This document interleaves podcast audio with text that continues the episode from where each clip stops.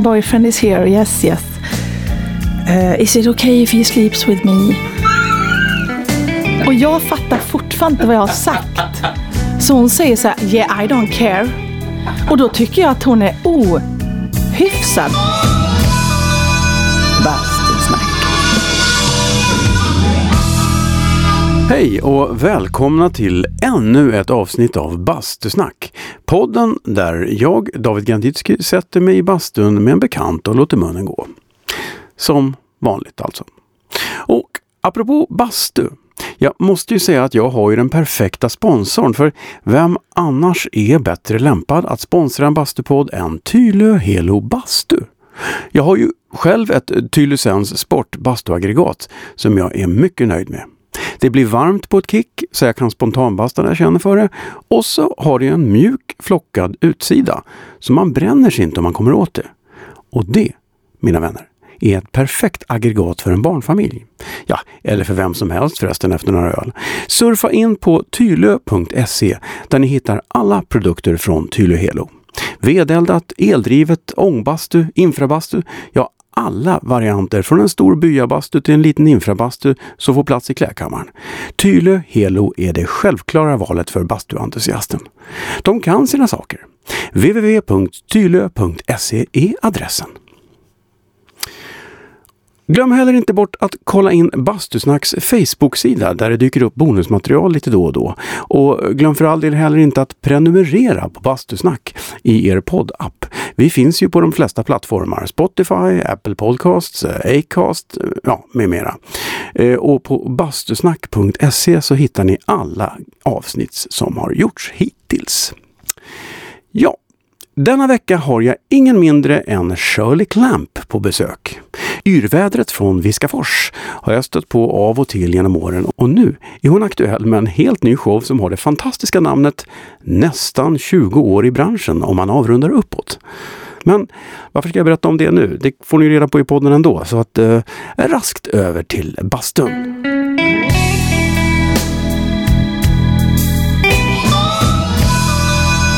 Bastusnack. Gud vilken fin bok du har här. Den här, ja, hon lämnade den när hon var här faktiskt. Va? Ja, vi, vi gjorde ju den här för, två, för två år sedan. Ja, Så fick jag den. Eh, alltså den här människan. Hon är, alltså, Ja, det är så vacker. Den ja. här, den här bilden är... ja, det är skithäftigt. Det är den enda jag, enda jag känner som... Hon, hon bet mig alltid i örat. När vi, man fick en Jag kram och ett rejält bett i örsnibben. Det var så här... Yeah. Man visste Synd att man inte är liksom. 40 år äldre. Men tänk att det var den här kvinnan som bet dig i örat. Ja, visst, det var Varenda gång ni sågs. Ja, visst, det var I love it. ja. Nej men jag hade, när, när hon gick bort så började, så satt jag med en eh, retro inredningsmagasin i handen. Så. Ja.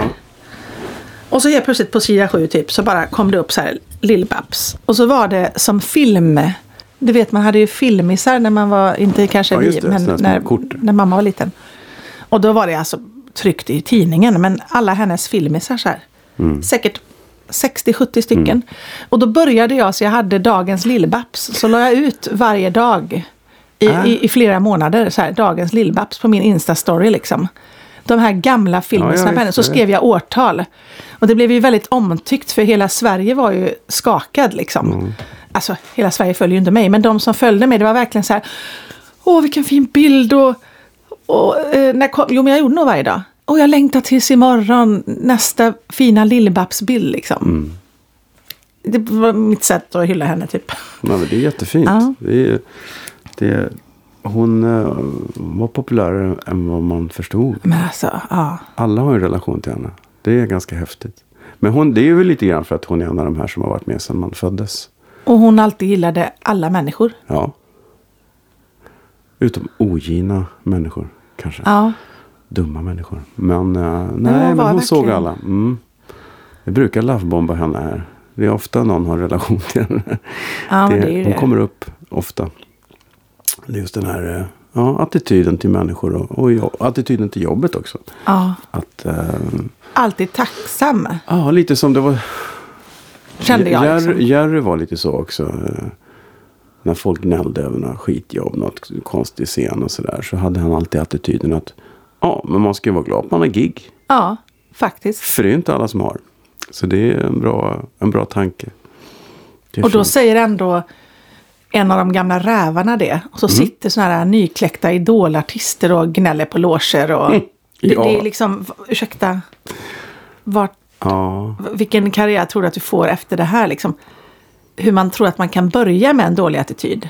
Jag förstår inte ibland eh, varför eh, man måste ba- vara elak för, för att liksom lyckas. För många av artister i världen som har lyckats är ju för att folk inte vågar säga nej. mm. Eh, det går till en gräns där de tänker, ah, ja men ge honom eller henne det här gigget, det blir skitbra. Vi orkar inte pr- liksom säga emot. Och så står de här goda som är lika duktiga. Men de får ju inte chansen. är det så? Jag tycker det kan vara så. Ja. Och Jag, det, tänk, jag tänker direkt på den här... eh, Vad heter han som är så skön som kör bil med olika artister? Jag pratar Ja. med Engelsmannen. bilkillen. James, James Corden. Och han, han, eh, har du sett det avsnittet med Paul McCartney? Nej. Paul McCartney är sån uppenbar hyvens snubbe. Okej. Och det är precis så där jag känner med ändå de, de bästa och största man har jobbat med. Svenskar. Och de få utländska artister också som man stöter på. Oftast ser de ju så där trevliga som Paul McCartney är där. För han är ju bara så supernice. Ja. Eh, Jag rekommenderar det avsnittet för övrigt. Ja. Åh, det ska jag faktiskt titta Carpool på. Karaoke med, Mm. och med den. Och, och även den med Stevie Wonder är bra också. Den har jag sett. Stevie Wonder erbjuder sig att köra. Nej, jag dör. Jag har sett Justin Bieber, för då var Ja. jag väldigt, då var jag väldigt så här, men hur, hur funkar det här? Mm, liksom en mm, ung, mm. ny, ny person liksom. Var det bra? Det var också jätteroligt. Han, han var väldigt rolig. Mycket så här teaterapa som man inte, det anade inte jag om honom. Adele är ju så, Ja. hon är ju Grym. så ko, komiskt väldigt begåvad. Som kanske inte folk heller tänker på, för man, man tänker på hennes röst och så står hon där och liksom sjunger helt fantastiskt. Men hon är ju otroligt rolig den människan. Men du, det är du också. Ja, men, Jag tack ska du ha. Nu, så, nu kan jag gå hem. Nej, ska... Nej, men om vi, alltså jag, jag, man ska gå in på dig en sekund. Uh, uh, någon sekund kan vi prata om dig också. Men, Ja, men vad härligt. nej men jag har tänkt på, du är ju, men förutom att du är en sån jävla bra sångerska. Så är du ju en sån uppenbar komedian också tycker jag. Men Jag har, du, har du spelat, har du gjort komiska saker? För att du har ju en komisk talang. Ja, men så här, jag blir ju så glad för det första. Att jag blir ju, som det kändes när man var liten och fick någon att skratta. Ja. Så blir jag så här. ja, men alltså, jag har ju alltid försökt att få folk att skratta. Och hamnat i, i varje situation man har varit i livet. Om det så har varit julafton eller i klassrummet. Så vänta in rätt sekund och så säger man något och så bam och så skrattar alla och jag bara njuter. Många gånger blev jag ju utslängd från lektionerna för att det blev rörigt liksom. Gå ut och ställ dig nu och så lugnar du ner dig så får du komma in om en stund. Det var liksom vardag för mig i skolan. Så du var hon som satt längst bak och snackade för mycket? Ja. Ja. Och så blev ju fröknarna och lärarna eller, eller blev ju irriterade för att det blev oordning i klassen. Det var ju inte så mycket att de blev arga på mig. Det var ju mer så här, åh, ut nu. Nu nej, drog hon så, igång. Nej, men så jag tror bara att det har funnits med. Och sen har jag spelat lite revy och sådär när jag var yngre. För jag gick en uh, musikteaterskola. Mhm. Där det blev liksom revyer och höstshower. Det är väl det närmaste jag kan komma att spela roligt. Mm. Men jag har nog mest bara gått runt och trott att jag är rolig. Ja, många komiker är ju inte roliga privat. Nej, jag vet. Ja. De är ju väldigt, väldigt professionella. Så att det nästan blir så här lugnt. Eh, nej, liksom kon- kontrollfreaks. Mm. Det roliga ska vara nedskrivet på papper och sen blir det jättebra. Mm. Men, men till vardags så är det liksom... Lagom Jag håller med kul, dig. Halvkul.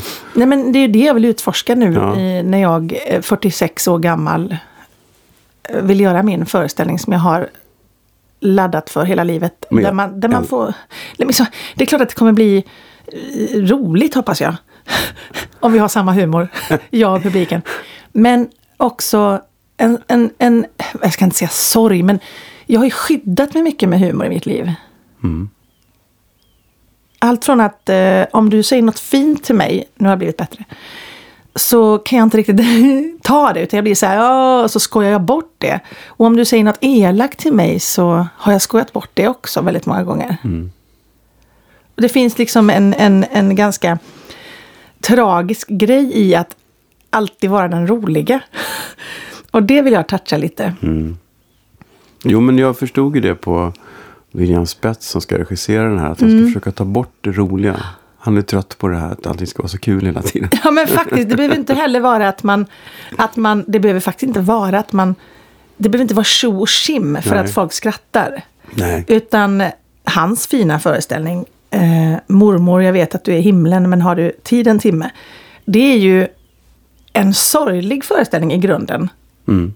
Som bjuder in till skratt för att man bjuder på sig själv och outar eh, verkligheten på ett komiskt vis. Liksom. Och det är jag jätteintresserad av. Att, att nå liksom det allvarliga.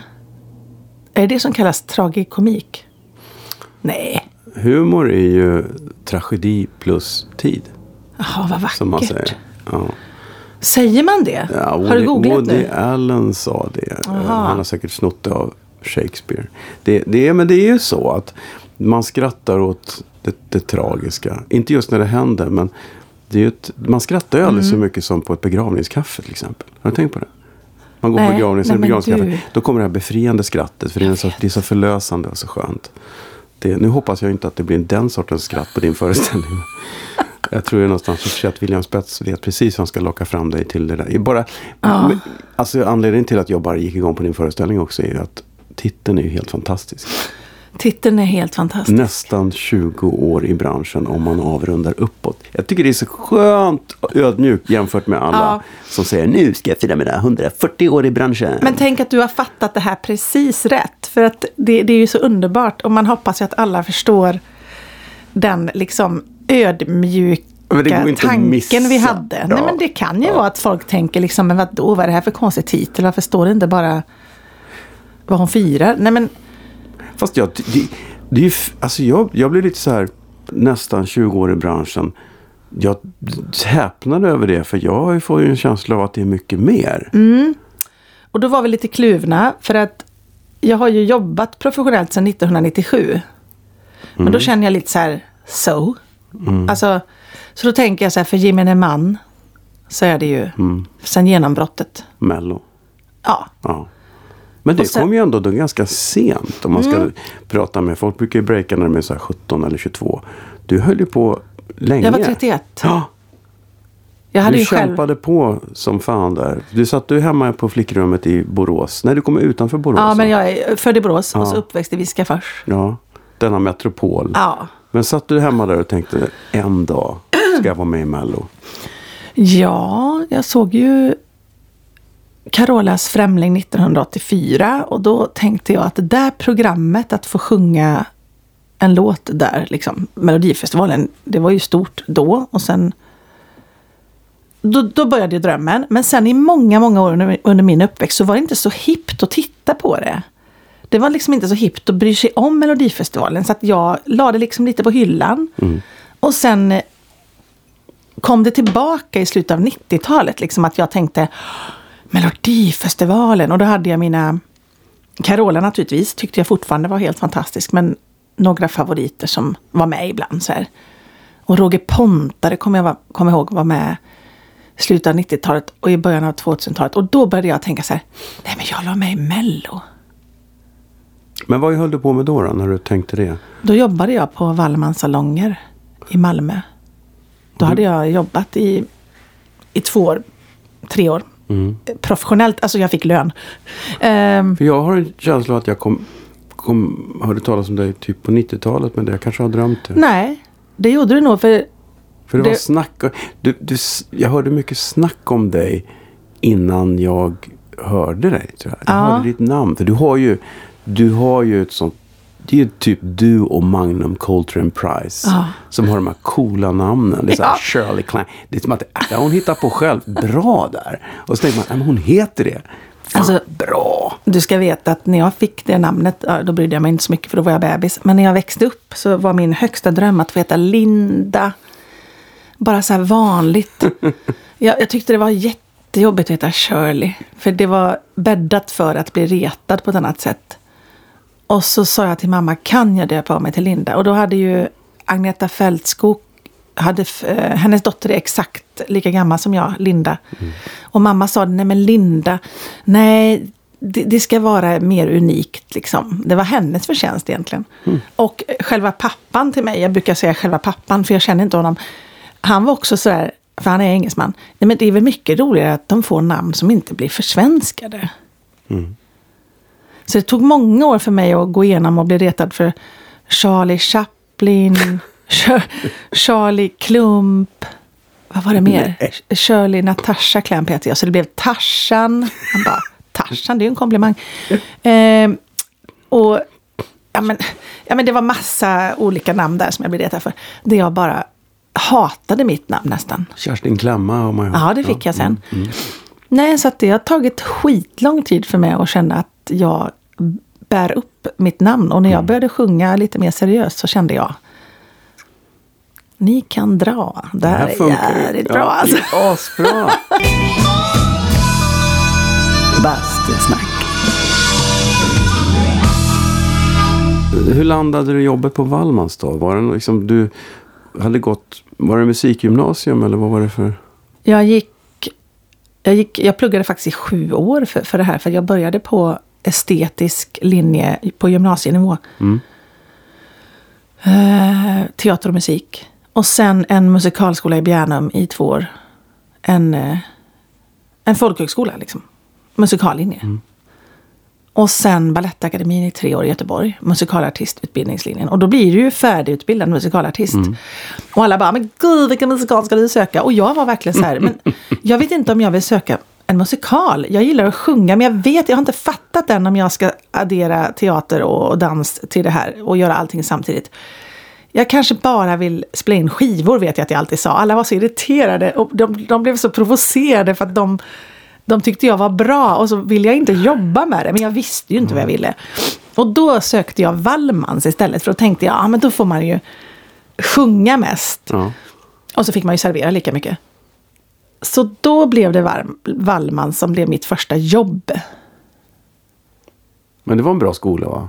Ja, jag hade en alltså. gäst här förra veckan som också har varit på Wallmans. Så där var ju alla då. Ja, herrejösses. det, man lär sig Ja.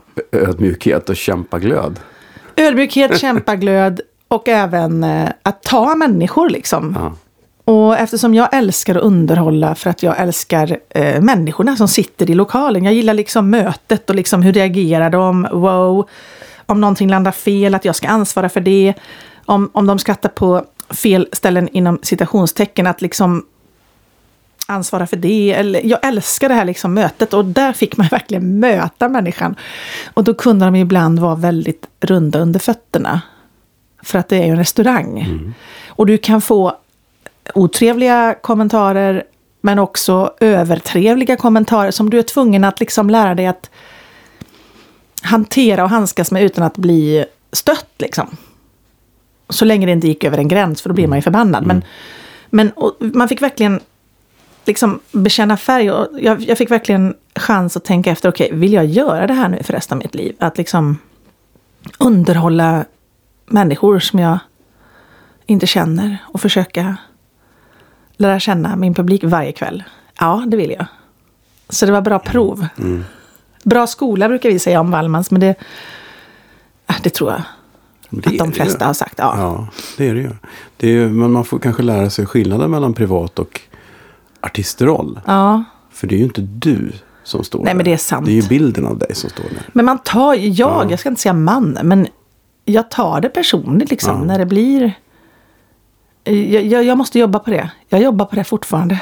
Jo, för jag tror att det är bra att ha ett scenpersona och Mm. ett privat persona som är skilt. Ja. Eh, Även om illusionen är, tycker jag, att här står jag, Mm. artisten, det här missger mig. Men, men jag tror inte man riktigt klarar det mentalt om man inte har en sorts eh, mur också. Nej, men det är sant. Det är Skydds, Väldigt... Eh, det är väldigt proffsigt att ha nått dit. Och det, är klart att jag har varit där många gig så känner man ju att man får stänga av sina liksom ytliga känslor som, som oftast kan bli sårade annars. Man får liksom bara, som du säger, lägga på eh, ett skydd eh, liksom, mm. och bara köra. Hålla färgen. Men sen har man ju det här att jag har ju gett mig in. Jag har ju haft ganska taskig självkänsla under min uppväxt av många olika anledningar. Och sen gillar jag inte att bli bortvald eftersom jag blev lämnad av, eller jag och min syster blev lämnade av vår pappa. Så det, det går ju way back allt detta. Men så kände jag så här, varför har jag valt det här yrket då liksom? Mm. Där man ska bli bedömd. Varje dag. Ja. Vald eller ja. icke. Ja. Och jag bara... Och sen ställer du dessutom upp i Mello. Och för Mello är ju den här forumet där Alltså normalt så har ju pressen någon sorts jävla gräns för vad de skriver om folk. Men är du med i Melodifestivalen då kan man vara hur taskig som helst. Det är, det, det är ju verkligen så Det är sånt man inte skriver normalt i en recension. Men på Mellon så är ju allt... Det är ju intressant att du väljer då att ställa upp där flera gånger. Det är jätteintressant. För man vet ju att man får en rak höger. Det och jag tänker varje ja. år att jag gör det för att jag ska öva på det. Det blir liksom ja. terapi för mig. Och så skyddar jag, lägger jag upp muren och så åker jag ut. Jag hamnade sist i en deltävling ett år. Med en låt som heter Med hjärtat fyllt av ljus 2009. Och så åkte jag ut, men det var inte bara det, utan jag hamnade ju sist. Så tittade jag på den här tavlan där, man ska säga, när de hade sagt, och så tittade jag så såg jag mitt namn längst ner, så kände jag så men, men jag bryr mig inte, herregud, någon måste ju åka ut.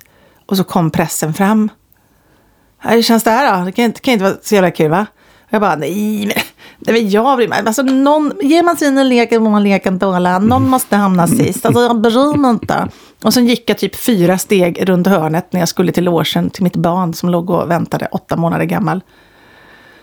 Och så bryter man ju liksom lite ihop för att man tänker att jag vet att jag inte vaknar som en dålig sångerska dagen efter, men det var ingen som ville ha mig. alltså det är så konstiga man känslor. Man glömmer att det finns 18 000 andra som inte ens fick vara med och tävla. Ja, det är sant. Det är... Och så glömmer att det finns rätt många som inte tittar på programmet också. Det är hemskt enkelt att, att man fokuserar i, i den här bubblan. Att det ja. är så jävla viktigt. Det är ju bara musik. Men du går kul. ju in i bubblan. Ja, ja, ja. Men så är måste, du där. Jag tror någonstans att om man är med i Mello så måste man nog vara med i Mello på allvar. Just ja. då och där. Och så får man komma, komma ihåg att det är bara på kul också. Nej, och jag tror att det hela handlar om att jag tar det på allvar. Mm. Kanske lite för mycket då. För att det är därför jag känner så himla mycket när man mm. inte blir vald. Eller mm. bortvald eller utröstad eller vad fan vi ska kalla det. Jo men man kan ju inte gå in som artist kan man inte gå in och göra något. Äh, det är ju bara på skoj, Nej, det är bara Mello. Du måste göra det på allvar. Det, det vore ju förskräckligt. Det är ju hyckla tycker jag. Ja. Antingen är man med i Mello eller så är man inte med i Mello. Man kan inte gå med och tänka äsch. Det här är inte så viktigt. Det Nej. kan man tänka efteråt men inte ja. när man står där. Nej, det går ju inte. Det blir, men du har ju varit med i Mello på så många sätt. Du har ju varit med som artist och som upphovsman. Och eh, du är kommentator har du varit också. Ja. ja. Har du varit programledare också? Nej. Nej. Det skulle jag faktiskt, det skulle jag faktiskt vilja. Jag, ty jag tycker det ser roligt ut liksom. Men det är ju det är nog ett, ett svårt, det är nog ett tungt lass liksom. Så. Ja. Det tror jag. Och, får man, de får ju skit också hela ja, men ja, jag vet. De bara visar sig. Nej, tråkigt manus. Det är liksom... Nej, men det är ja. ju verkligen så. Ja. Nej, men det är klart göra det. Ja. Nej, men jag... Absolut, jag vill vara med som upphovsman igen. Eh, ja. Min, min, nästa, om jag är med där snart igen, då vill jag vara upphovsman. Och råkar det bli någonting som jag själv vill sjunga så får det bli så. Men ja. främst så vill jag skriva mer och kanske ge låtar till andra. Ja. Skriver du mycket? Ja, jag har alltid skrivit mycket. Jag har legat lite lågt med att liksom huruvida jag har varit inblandad i mina plattor eller sådär. Mm. Varför det? Men, men jag är vet det någon inte. jante? Det är jante och sen är det lite att det som har lyfts fram har varit singlar från eh, andra upphovsmän. Eh, det, det, har aldrig blivit en singel från det jag har skrivit förrän nu då i somras när jag, mm. när jag blev själv. Och eget, alltså kör, kör eget liksom skivbolag. Och liksom, ja men nu kom det sju låtar i somras som jag är delaktig i själv. Nej men du vet på när jag hade skivkontrakt så var det en platta som hette Tålamod. Då skrev jag alla texter men var med i alla musik, eh, i, i att skriva musiken med. Ihop med tre killar från Malmö. Och jag vet inte. Jag tror bara att jag hängde med i att den lyftes inte fram. Nej, då ska man inte lyfta fram den. Mm. Ja, nu valde vi den här singeln som den här personen har skrivit. Ja, nej, men då valde vi den. Att liksom, jag, jag var lite väl tacksam kanske. Och bara, ja men jag får i alla fall spelas på radio. Istället för att säga, fast vet ni, jag vill ha den här singeln. Ja, men det, Annars så släpper inte jag en singel. Det, det hade inte jag mod att måste du säga. bli den här jobbiga artisten. Ja. Fast där tycker jag det är okej att vara jobbig. Ja. När det kommer till konstnärliga beslut så är det faktiskt du som står där. Jag vet. Och det, det känner man också om, någon ruttnar på, på en repetition eller på en show när någonting pajar. Så är det så, ja men Ja. det är okej om det man ber om ursäkt efteråt. Men när det väl händer så förstår man det för att du står ju där. Eller det är samma där om du ska släppa en singel. Du ska ju stå för den. Ja. Du ska åka runt och promota den och försvara den. Och om du då inte känner att den är toppen. Då är det ju... Jag vet. Ja. Jag har gjort så mot Ja. mig. Främst en gång. Och det är, det är uppförsbacke Mm. varenda gång du ska promota det. Liksom. För att man tänker måste att... intala sig att det här är skitbra. Ja. Vad svårt det är med något som... Nej, men du har, du väl Jag inte har ju gjort, nu har du ju inte gjort grejer som är usla Nej. på det sättet. Nej, men det tycker Nu inte jag heller. Och jag, kanske, men, ja. nu, nu låter det som att jag har en av alla mina låtar som jag hatar. Och så är det inte. Ja, och alla tänker, vilken är det? Ja, eller hur? Ja. Och jag bara säger ingenting och alla bara, nej. Nej, men jag känner att eh, det det är klart att du älskar saker mindre och, och mer. Men räddningen för mig där när jag blev sist i Melodifestivalen 2009 var ju att jag hade min lilla bebis i logen och jag kände så här, det fanns fokus på någonting annat som var viktigare. Och det hände mycket när jag blev mamma. Jag kände, okej, det där var inte så viktigt. Och det där Ja, men jag, fick, jag ändrade mitt fokus och eh, prioriteringarna blev omkastade. Det var skönt. Jag, jag behövde bli mamma kan jag säga. Jag är väldigt tacksam över det. Eh, Vad hade hänt annars då? nej, men jag vet inte. Fasen knarkat alltså. ihjäl? Ja, Nej. vem vet. Nej. det hade jag inte gjort. Men jag är ju beroendepersonlighet. Jag tycker ju liksom att någonting verkar kul så kastar jag mig in i det och så tar jag konsekvenserna kanske. Och speciellt när jag var yngre. Och spontan och liksom... Och med det här lilla, liksom lilla människan som bara behövde mig eller behöver mig och älskar mig. Då blev jag liksom wow. Det här vill jag finnas för. Jag behöver inte flänga iväg och Nej. spåra lika Nej. mycket längre. Men jag behövde kastas in i rutiner. Ja. Jag har ju trott hela min uppväxt och hela min ungdom framförallt, när jag flyttade från min mamma, att jag inte behöver rutiner för jag är så jävla cool. Och sen så behövde jag ju rutinerna mer än någon. Och det är rätt skönt att bara, okej, klockan ska vara på 06.30. Och så väcker jag henne, för jag vaknar alltid innan min dotter. Så bara 06.50 typ, hallå, nu måste vi gå upp. Och så måste man upp. Och så det här med rutiner. Ner till kaffebryggan. Alltså jag gillar att ha den här ordningen liksom Ja, i mitt liv nu igen. Överraskningar är jobbigt, framförallt på morgonen. Jag hatar Ja, överraskningar på morgonen. Va? Sluta nu. Va? Va? Någon börjar fråga om fotbollsträningar för man har fått en kopp kaffe. Nej, men det är Sluta, det är jag vill inte veta. Ja, precis. Ja, överraskningar. Men det var ju överraskningar också när de var bebisar. När man vaknade och man upptäckte att personen hade magsjukan. Ja, För man hade någonting på ryggen. Jag ja, skojar. ja. Man bara, nej men okej, men du vill alltså att jag ska vakna nu klockan 03.76 och bara byta lakan, ja. ja. tvätta, duscha, städa, vara beredd på nästa omgång. Alltså Mm. det har varit väldigt... Eh, Ja, Man klarar väldigt mycket. man klarar man, Ja. precis. Man, kom- klarar mer än man tror. Tycker Verkligen. Jag. Det, det tycker jag man lär sig om att ha barn. Man, man klarar grejer som man inte alls tror att Ja. man ska klara. Sen kommer man till jobbet och så är det hysterik, liksom, hysteriskt och kaotiskt. Men det blir aldrig så. Nej. Du var så cool. Vi gjorde ett jobb för inte så länge sedan du och jag tillsammans. Och, och, och så var det lite missuppfattningar kring soundcheck och sånt. Så det blev inget. nej, det blev det verkligen inte. Och du skulle rassla in och göra grejer. Och jag förstod aldrig riktigt vad du skulle göra. Nej men vi kör här. Och jag gjorde monitor till dig samtidigt. Och, och jag stod där och satt där och tänkte att jag har ingen aning om vad hon hör just nu och vad hon vill höra. Nej. Men hon ser glad ut så det funkar nog. Och jag var ju trygg, från mitt håll så var jag så trygg i att det, att det var du. Liksom. Jag, jag tänker bara så här, ja men vad fasen, det här är är det någon som kan det är det väl David. Är Och sen kände jag, jag visste inte heller vad han ville ha mig till. Jag tror inte ens att eh, artisten i fråga, Stefan Odelberg, själv visste vad han ville ha mig till. För all, alla som känner honom vet ju hur han jobbar, det är väldigt Ja, spontant. ja. Så jag kände så här, ja men vad fasen, om jag inte hör mig gör jag väl så här Ja, höj mig liksom. precis. Det var jättekul. Det var helt, helt kaos. Och man bara, åh. Och så kom man in i logen, förlåt, jag vet inte, var det bra? Jag vet inte. Nej men vet någon? Hördes man ens? Ja, jag tror det. Gud vad roligt det Publiken var. såg glad ut. Ja, det var, ja. Det var en rolig Det kväll. är skönt att det inte är så varje dag. Det förstår jag. Det är kul att göra någon gång ibland. Men, Ja. men eh, ja. Vad du menar, var det Per Andersson med då också? Nej, Nej, det han var var annan gång. Granen. Ja, just det. Fotbollsproffset. Ja, Det är en av de få gånger min son har beordrat mig att komma hem med en autograf. Det förstår ja. jag. Du menar från mig va? Ja, just det. Nej men det förstår jag. Det var många. Jag hade ju Mm. lyckats få in en kompis med, sina, med sin pojke och en kompis till den här lilla killen då. Eh, och få autograf efteråt. Mm. Och det var ju liksom, de hade med chokladkartong till honom och det var liksom så stod jag tog en autograf till min kompis son också. Eh, men man Mm. Tänk blir... att han hette Shirley också alltså. Ja, så konstigt. Ja, till Shirley. Heter han Ja, lovar. Så roligt.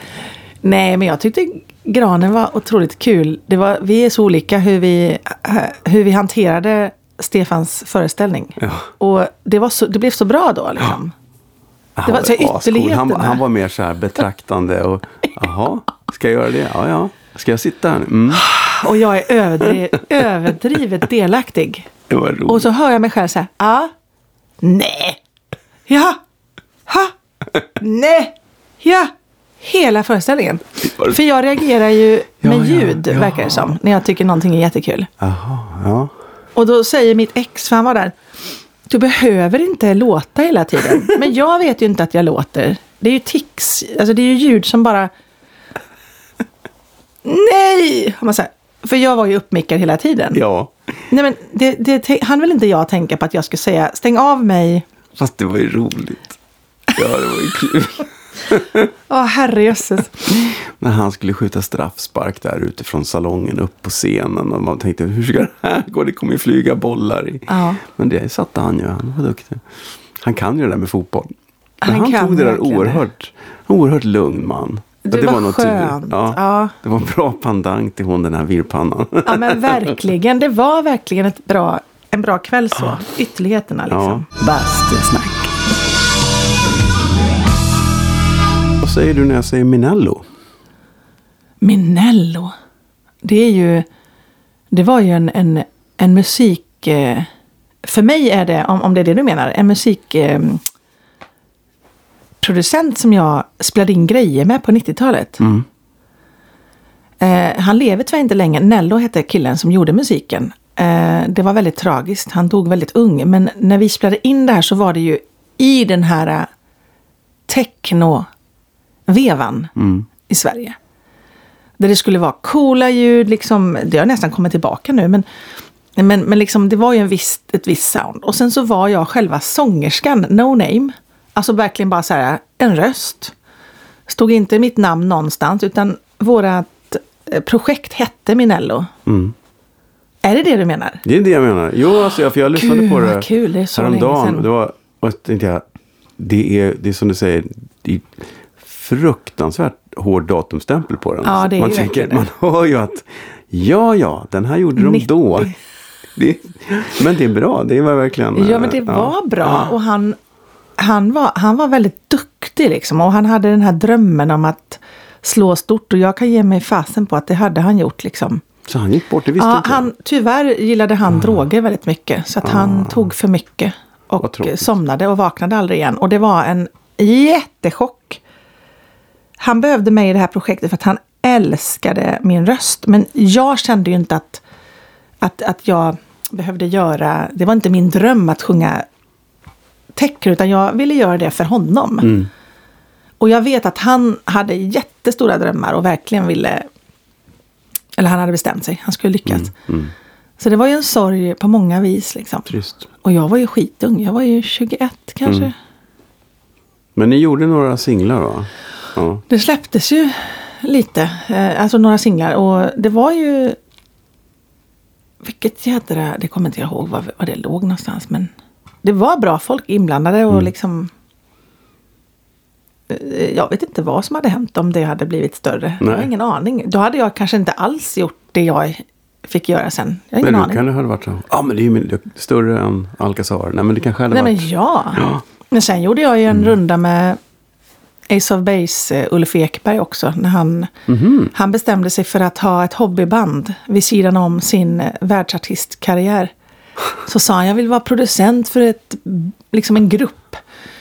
Jag vill ha en eh, blond eh, superduper svensk tjej med blå ögon, en mulattbrud och någon cool kille som rappar. Och det hittade han. Vi blev, det blev vi tre. Kattis, Karim och jag.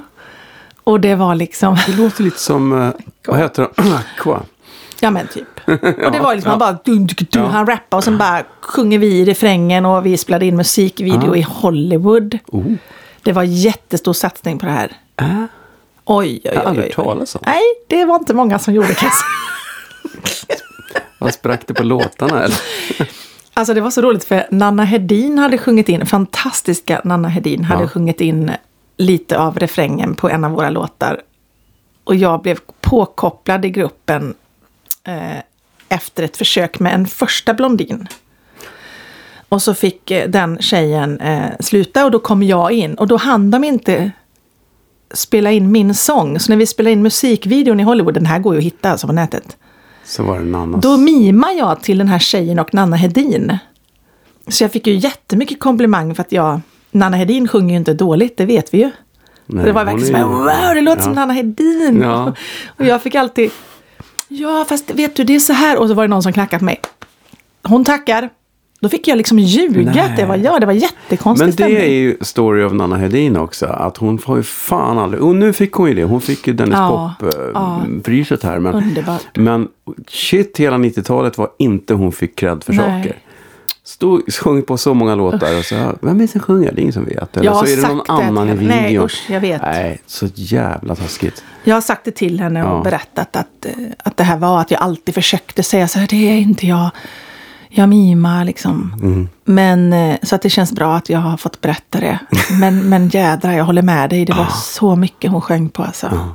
Men vad hände sen med projektet? Ni gjorde någon video i Hollywood? Jajamän, och så var Och det sen- Okej-tidningen och det var liksom värsta så här, mittuppslag och det var liksom eh, storsatsning och vi var med på DJ Music Award eh, i Stockholm och åkte ut och Robin var där och liksom, hon var ju jätteung.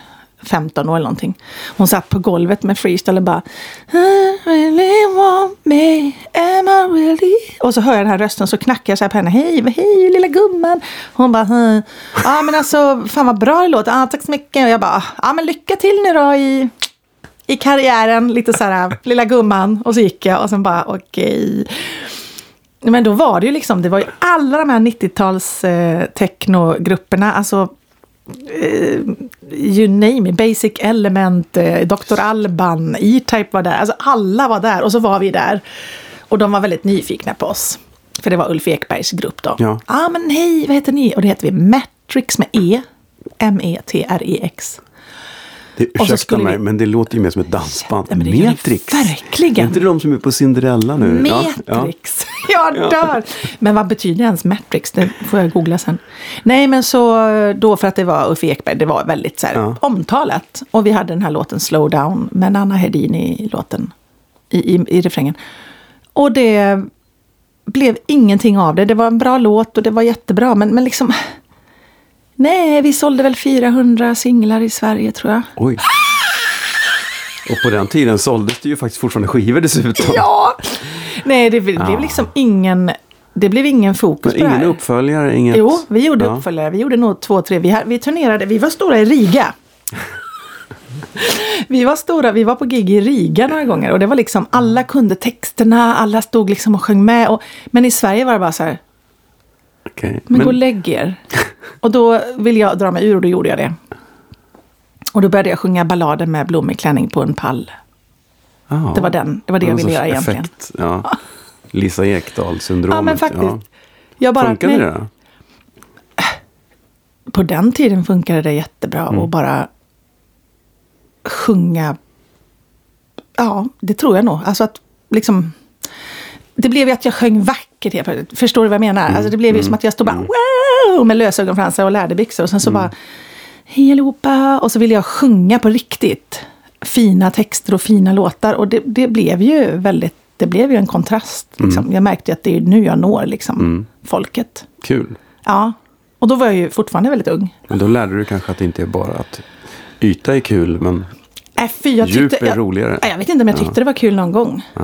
Förutom... Eh, men jag måste berätta, vi var i Riga en gång och så var vi i receptionen. Jag hade min kille med mig, kommer jag ihåg.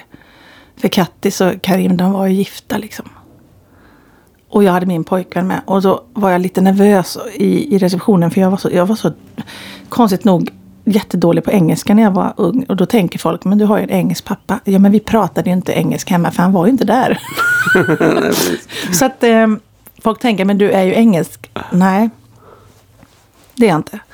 Så jag ska säga till receptionisten att eh, min pojkvän, my boyfriend is here, yes, yes. Eh, is it okay if he sleeps with me? Och jag fattar fortfarande inte vad jag har sagt. Så hon säger så här, yeah I don't care. Och då tycker jag att hon är ohyfsad som står i repan och bara inte bryr sig att han ska bo med mig i mitt rum. På riktigt. Ja, vi hörs. Ja, I don't know, you married? ja typ. you Catholic? Ja, typ. Liksom. Vad, vadå? Vad spännande. Vad blir jag indragen i nu? Vad är det, var det en invit det där? Ja. De konstiga de här artisterna. Ja. ja, nej, så det var ett roligt minne. Det var det roliga minnet jag hade från den tiden. Men ni kanske ska ha en revival då? Nej, Återföreningskonsert i Riga.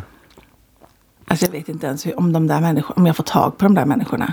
De är inte gifta längre vet jag i alla Nej. fall. Du ser. Men du, ja. Okej. men- Shout out till Kattis och Karim. Var är ni? Ja, men faktiskt, Kattis och Karim, om ni hör det här nu så hoppas ni mår bra. Ja. Till att börja med. ja. Det gör de nog. Ja, det kan jag göra. Nej, men det var Ni- spännande. Kattis och Karim, ni kan väl skriva på Bastusnacks Facebook-sida. Hej, vi det lever, med. vi mår bra. Vad kul! Tänk om det här, att jag återfinnas med dem tack Nu, det vare dig. kanske, nu börjar nu börjar det igen. Wow! Nu kanske, det, nu kanske ni På slår med läderbrallorna. Herregud, det kanske inte stannar med Riga. Ni kanske får gig i Tallinn också. Gud vad lyxigt! Ja, vem vet? Fy, vilken... Ja, jag tänkte, när ska jag pika i min karriär? Det är ju snart alltså. Snart. Bastusnack.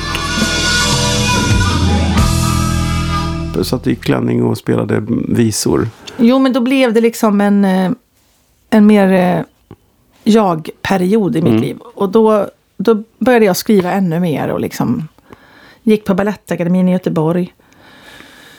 För jag, Jaha, hade så det här var före baletten? jag hade tagit, jag började Balettakademin, Ah. var ute på den här vevan. Så du för var jag tog ett väldigt ung när du gjorde detta? Jätteung, 21.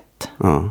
Tog ett sabbatsår, gick upp till rektorn, Lia Schubert, och hon var alltid så arg. Så sa jag, kan jag få ledigt ett år? Hon bara, varför? Jo, för att eh, jag har så ont i knät. Och det hade jag också. Men jag kunde inte säga, jo för jag ska släppa en singel och åka till Hollywood och spela in en musikvideo. Då hade hon ju bara sagt, ja men då kan du ta ledigt för resten av livet från den här skolan. Utan jag bara, det är ju det här med knät. Du vet, jag är ju gammal fotbollsspelare och nej, jag måste bara re rehabba det liksom. Och, åh. Hon bara absolut, jag tror på dig, kom tillbaka om ett år. Så jag fick ju göra det här lite i smyg. Det var jättekonstigt. Så jag fick ju ett skivkontrakt i den här vevan. Det var ju så det var, mitt första skivkontrakt, 21 år liksom. Och visste liksom inte riktigt vad jag skulle använda det till. För att det blev liksom lite konstigt med den här påhittade gruppen som inte gick bra. Och jag, kan jag få sjunga det här istället? Och då sjöng jag in en ballad som hette Butterfly, Butterfly inside, eller Butterflies inside. Feels like butterflies inside. Det var. Och då, då var det verkligen den här söta tjejen på pallen som kunde sjunga den här låten. Och jag tänkte nu. Nu Men det funkar ju inte heller. Nej. Jag märkte att jag var i fel händer. Trist. Så då gjorde jag slut med alla de där och så sa jag hej då, nu, nu går jag själv. Ja. Så då kunde jag, Och då gick du till Wallmans. då började jag, då gick jag ju klart Balettakademin och sen ehm, eh, blev det Wallmans salonger och sen blev det Stockholm och liksom, För sen började du dyka upp i Stockholm. Just, jag tycker man hörde ditt namn. Du, du sjöng inte du på massa produktioner och, sånt? jag gjorde ju jättemånga demos Ja, till ja. många musikproducenter som skulle skicka till olika artister. Ja. Och jag sjöng bland annat in en demo som skulle till Whitney. Och då åkte de över för de skulle ha något möte med henne och Bobby Brown. För de skulle se då om de skulle välja den här låten eller inte. Och det var väldigt viktigt, det var väldigt laddat. Det var liksom hon kan välja låten. Så de sitter inne i det här rummet när hon lyssnar på låten. Och då säger hon efter en stund Who's that girl singing? Ah, it's a Swedish girl, uh, Shirley Clamp. Oh, you gotta tell her she's great. Jag bara, Så Whitney det. så de ringer ju mig vet du, sen och bara, sitter du ner? Och jag bara, nej men nu har någon dött. Ja. Vadå? Nej men sitt ner, vi ska säga en sak till dig. Och så berättar de det här för mig och jag, som du märker, jag sitter ju fortfarande och pratar om det här. Det är så himla stort för mig att hon bara ens tyckte att det lät bra. Hon vet ju fortfarande inte ens vem jag är. Eller liksom, hon har Det är aldrig... jävla skönt att de ändå ringer och säger det. Ja men verkligen. De är ju där för att sälja sin låt. Jag yeah, yeah, yeah, liksom. Men de Ja. visste hur mycket jag älskade henne. Ja, Så jag tror ja. att de bara ville... Nej, så många demosar. Mycket flänga runt. Sjöng på Blue Moon Bar varje helg mitt i stan. Ehm, Det minns jag. Jag tror att det var någon period när man skulle hänga där. ja. Så vi- När inom citationstecken alla hängde där på. Nej, men det- faktiskt. Ja. Eh, jättekult så här. Som att nattklubb, som att liksom istället för att DJn spelade så stod vi och gjorde tre set eh, live liksom. Mm. Så man dansade till oss istället. Det. Så det var lite unikt när vi började och drog igång allt det här. På Kungsgatan. va? Ja. vi, vi, vi ended up där liksom kan man säga. För att vi började på Eken, då hette det Scandic. Eken. ja, just det. I ett litet på hörn så här. där. Ja. Där började vi med piano och sång. Och sen blev det liksom värsta... "Ja, Men vi, ni måste in på nattklubb. Och vi bara... Åh. Så vi addade percussion. Pablo Cepeda var med där. Och sen hade vi piano, piano. För det började ju som pianoband. Sen addade vi lite musiker ibland. Så här, men det var oftast bara piano, piano, perka. Och så var det jag och Jenny Velvet Pettersson och Chris Lind. Som var frontfigurerna. Så att det blev många år där man liksom försökte harva sig fram. Men jag kände liksom att jag... Du vet, jag var 31 och liksom tänkte så här, då hade det gått tio år när jag stod på senaste Blommenbar-giget. Och så tänkte jag så här, det här är så jävla kul, jag, jag gör det jag vill. Och då var det någon som liksom, hej, vill du vara med i Melodifestivalen med, med den här låten? Det här är Bobby Ljunggren och jag heter Maria Molin Ljunggren och vi undrar om vi får signa dig för att vi älskar din röst. Vi hörde dig på Blue Moon Bar och jag bara... Eh, ni vet att jag är 31 år och typ vill bli mamma snart. Ja, men alltså, ja, men det är det vi gillar med dig liksom. Nu, nu kör vi. Och jag bara okej. Och Så jag var inte alls... Vad häftigt att du får det precis när du inte jagar det. Ja. Det är lite så det är i livet ibland, men vad roligt. ja, men det Du var bara, faktiskt... jag ja. Och det funkade ju skitbra.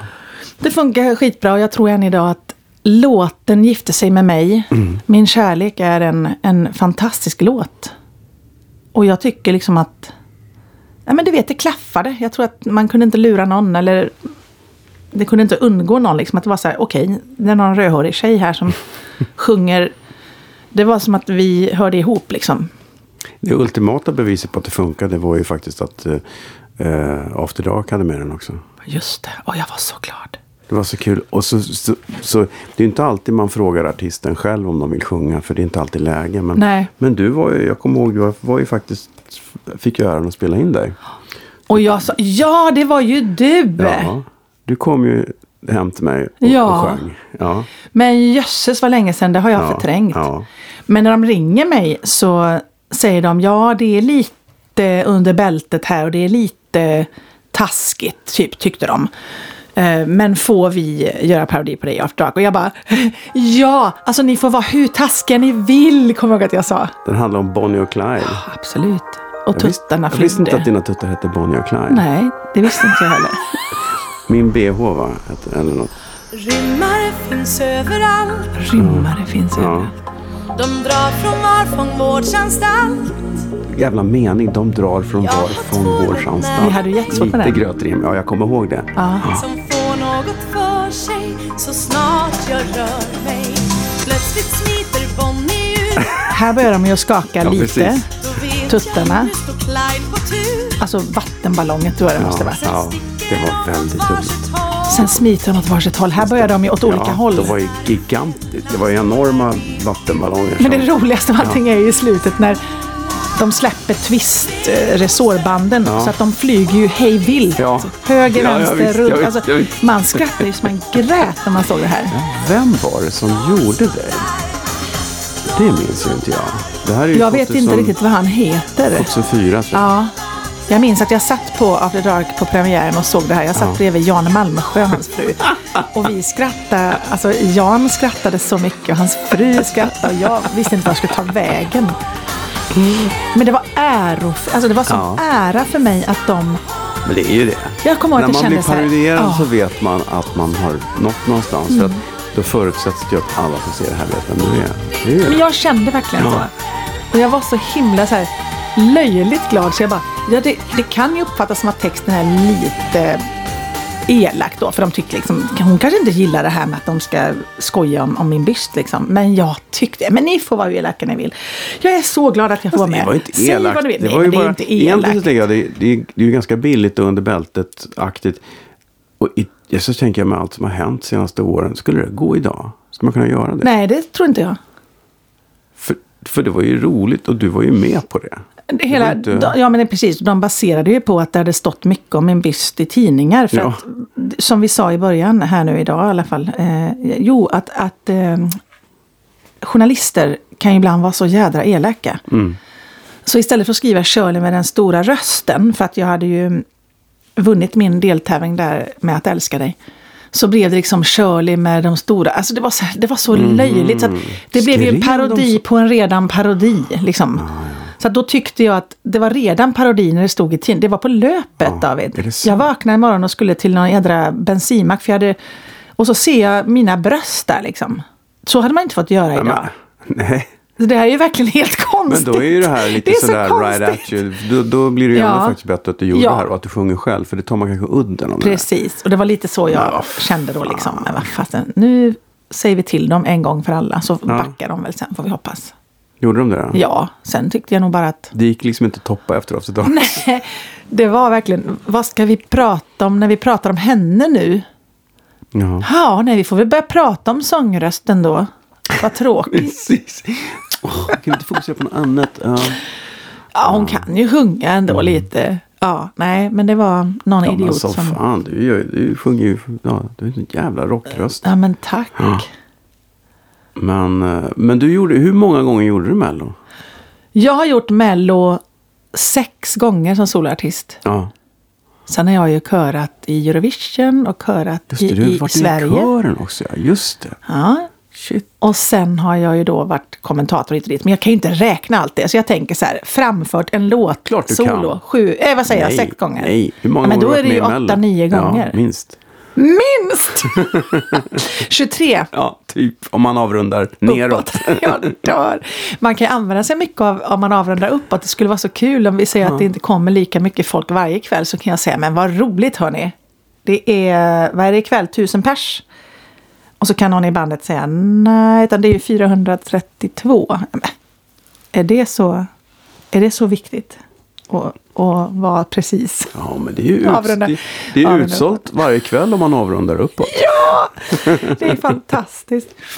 Och om man får jättedåliga recensioner så bara den hyllade föreställningen om man avrundar uppåt. Ja, precis.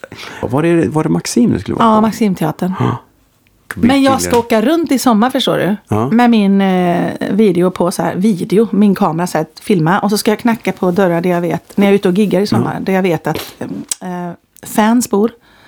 Ta mig hem dit, det är jättekonstigt att jag ens ska göra det här. Knacka och så öppnar de och så står jag bara där.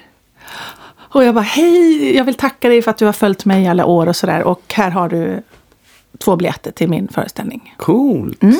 Och så ska jag ge dem kanske en blomma också. För då, då når jag liksom, då vill jag Ja. möta dem och säga att det här är Det är ju, för att jag älskar att du finns i mitt liv. Kul. Så nu vill jag att du kommer upp. men alltså nu är det så... Ja, inte ens Lill-Babs har gjort så tror jag. Jo, det tror jag nog. Hon är min förebild i Ja, allt ja. gott jag gör. Du vet att Barbro gick ju in i, i, i köket. När man giggade med Barbro så var det ju liksom inte bara att tacka dem man hade jobbat med på scen. Utan det var ju liksom in i köket, Alla, ja. in till Mm. diskarna. Till kallskänkorna, till kockarna. Bara tack så jättemycket Mm. för det här, den här dagen. Och, Alltså, nästan för mycket ibland. Ja, men det sa hon ju ja, själv också, ja. att eh, liksom, man, man, blir ju, man vill ju det. Och så blir man nästan lite...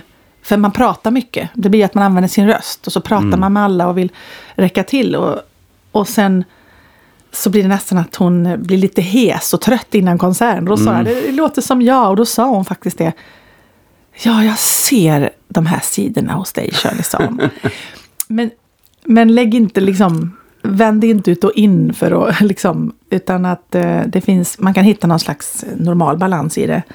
Men jag var, hon är den eh, förebilden jag har i Sverige, hur man, hur man beter sig mot människor och hur man eh, möter sin publik. Det finns liksom ingen som slår det. Nej.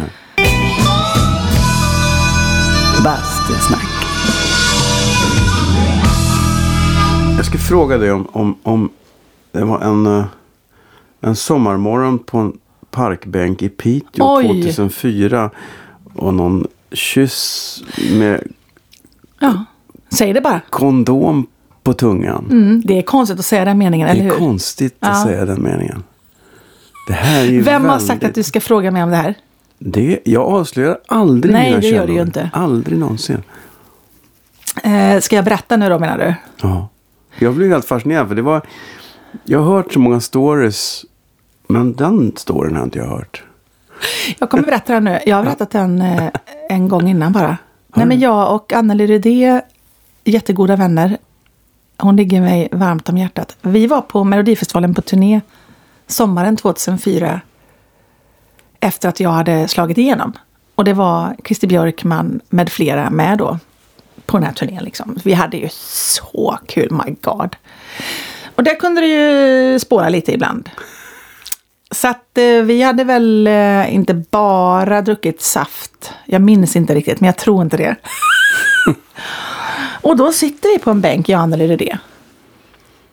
Och så är det väl, tror jag, att hon eller jag har en kondom i väskan. Och så är vi, vi skrattar så mycket så vi dör.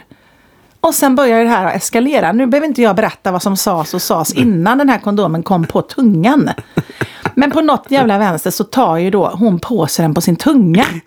Och jag skrattar ju så jag dör och hon liksom eh, sitter med den här. Jag bara, men gud, och, och äh, du vet att det spårar ju och jag vet inte, jag kysser väl henne. Och, alltså, jag vet inte, alltså, det här är så konstigt att jag ens säger det, men jag har vuxit och mognat och man kan prata om allt.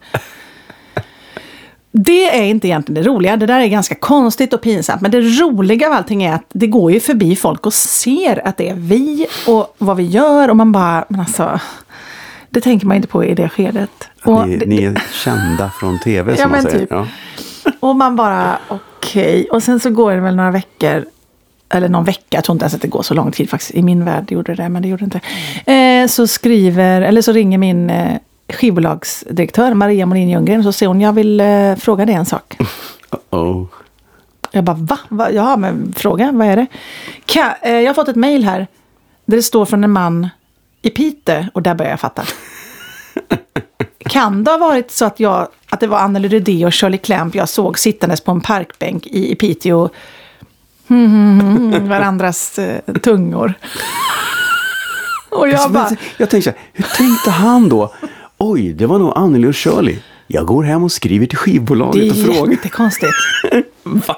Det är Han vill ju bara skvallra liksom. ja men fan ring kvällspressen och tjäna Ja, lite pengar istället. Ja, Jävla det gjorde man inte. Nej. Nej. Det var väl tur det kanske. Även Nej, om men det är så- en bra story. ja, men det är ju en bra ja, story. Men det var ju verkligen tur för mig. För jag var ju helt nykläckt. Liksom. Det, jag tror inte att man... Liksom, Min kärlek till dig kom två ml och sen bara... Åh, suger tungor i Piteå. Nej, Det är inte en jättebra övergång. Nej, kanske Nej, men jag inte. vill, Ja. Mm. vet, vad jag frågar, jag frågar så här. Vad sa Anneli? Är det första jag Ja, säger. För ja. jag kände mig som ett litet barn. Såklart.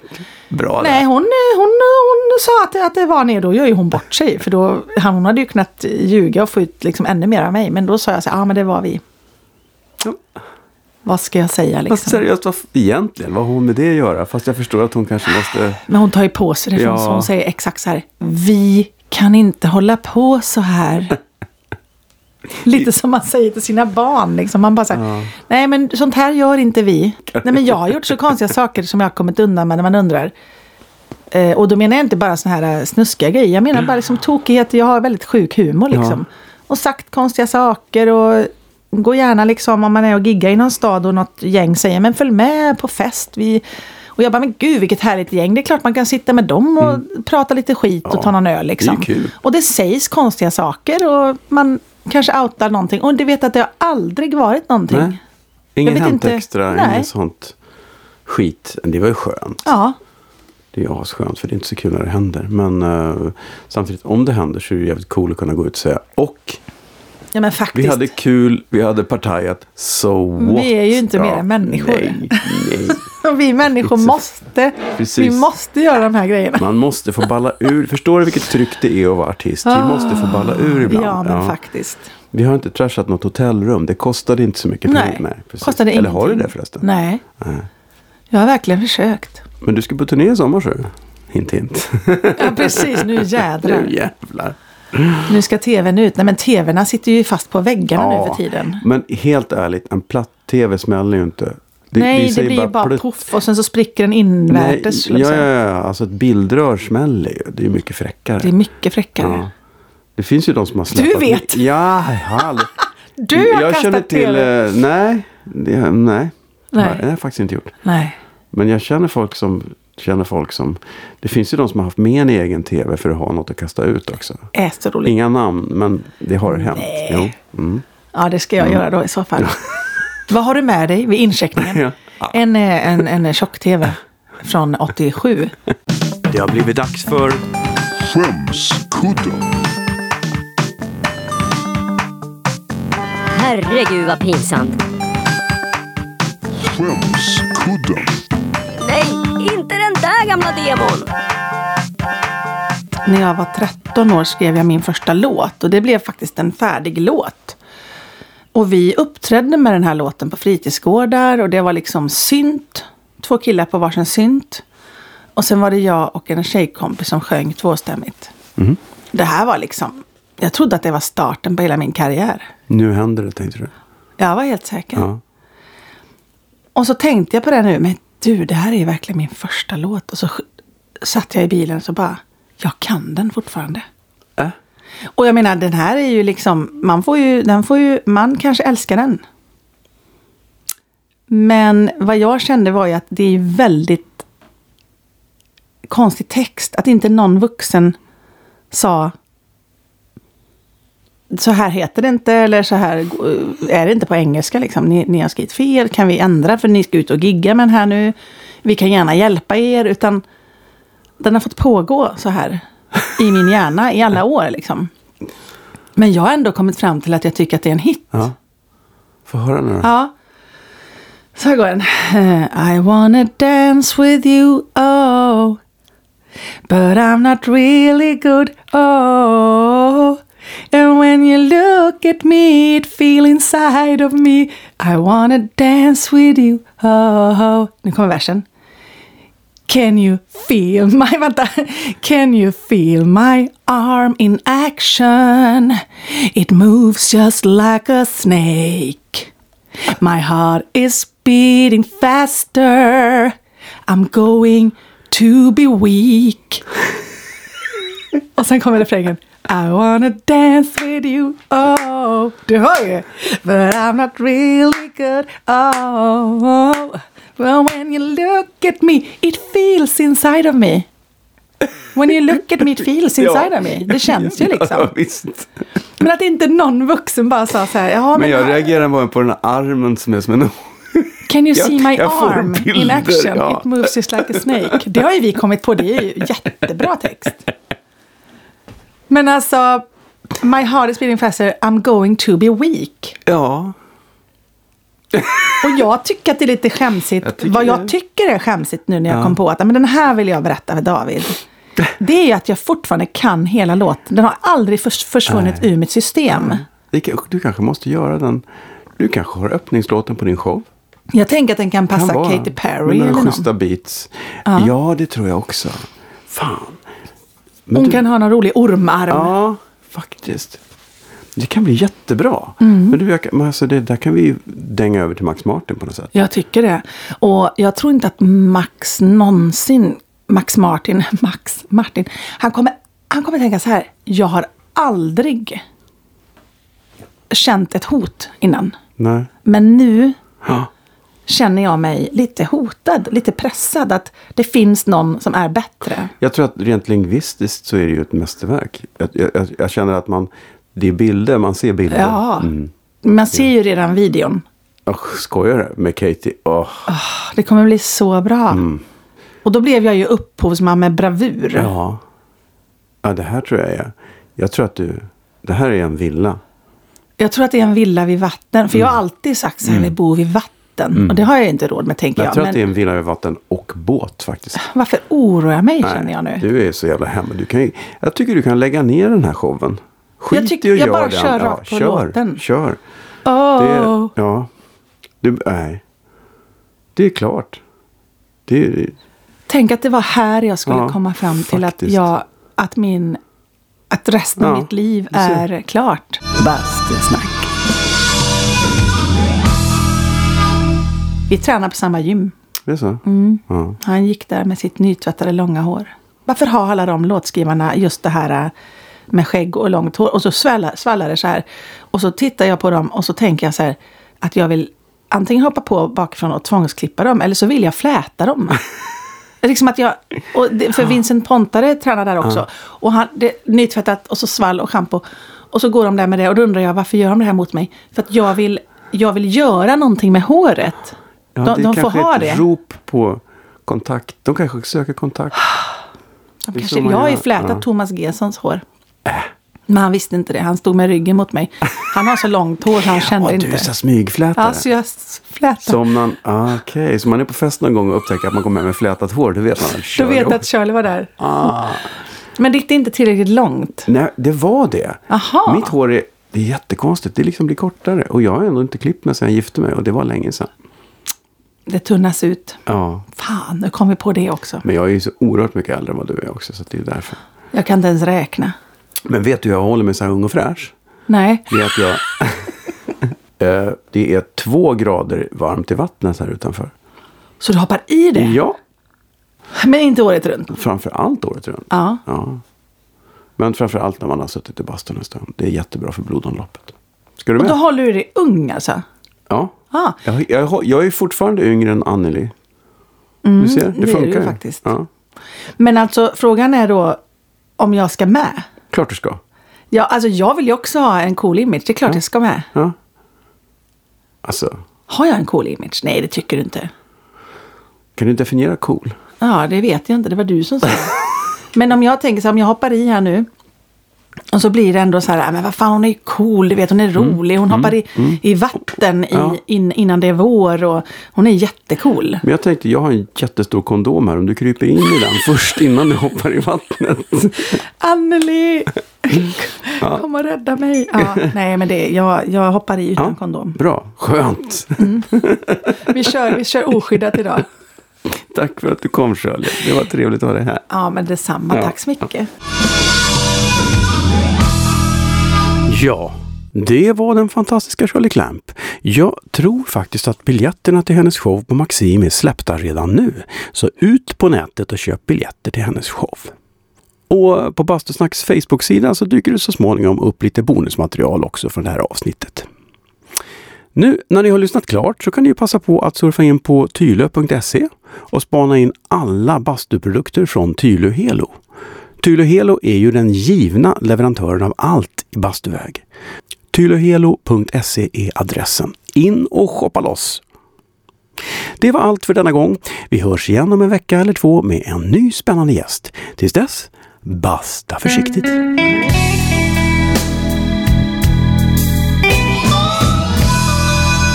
Bastusnack.